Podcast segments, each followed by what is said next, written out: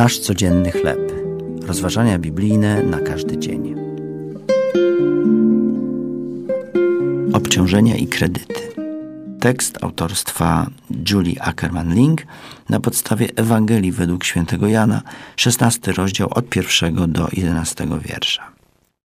Gdy mój mąż uczył rachunkowości w koledżu, dla zabawy wzięłam udział w jednym z testów, by zobaczyć, jak mi pójdzie. Wyniki nie były dobre.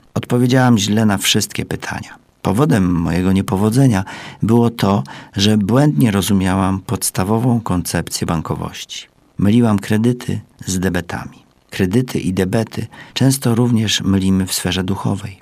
Gdy obwiniam szatana za wszystko, co się nam nie uda, za złą pogodę, zablokowaną drukarkę lub finansowe kłopoty, obdarzamy go zaufaniem, na które nie zasługuje.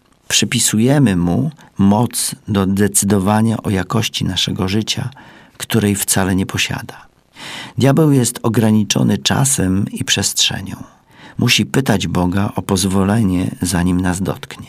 Jako ojciec kłamstwa i książę tego świata, szatan może wywoływać zamieszanie. Jezus ostrzegał, że nadejdą czasy, gdy ludzie będą tak zdezorientowani, iż przestaną odróżniać dobro od zła. Potem jednak zapewnił nas, książę tego świata został osądzony. Choć kłopoty będą zakłócać nam życie, nie mogą nas pokonać.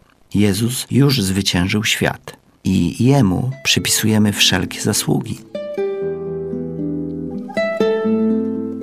To były rozważania biblijne na każdy dzień. Nasz codzienny chleb.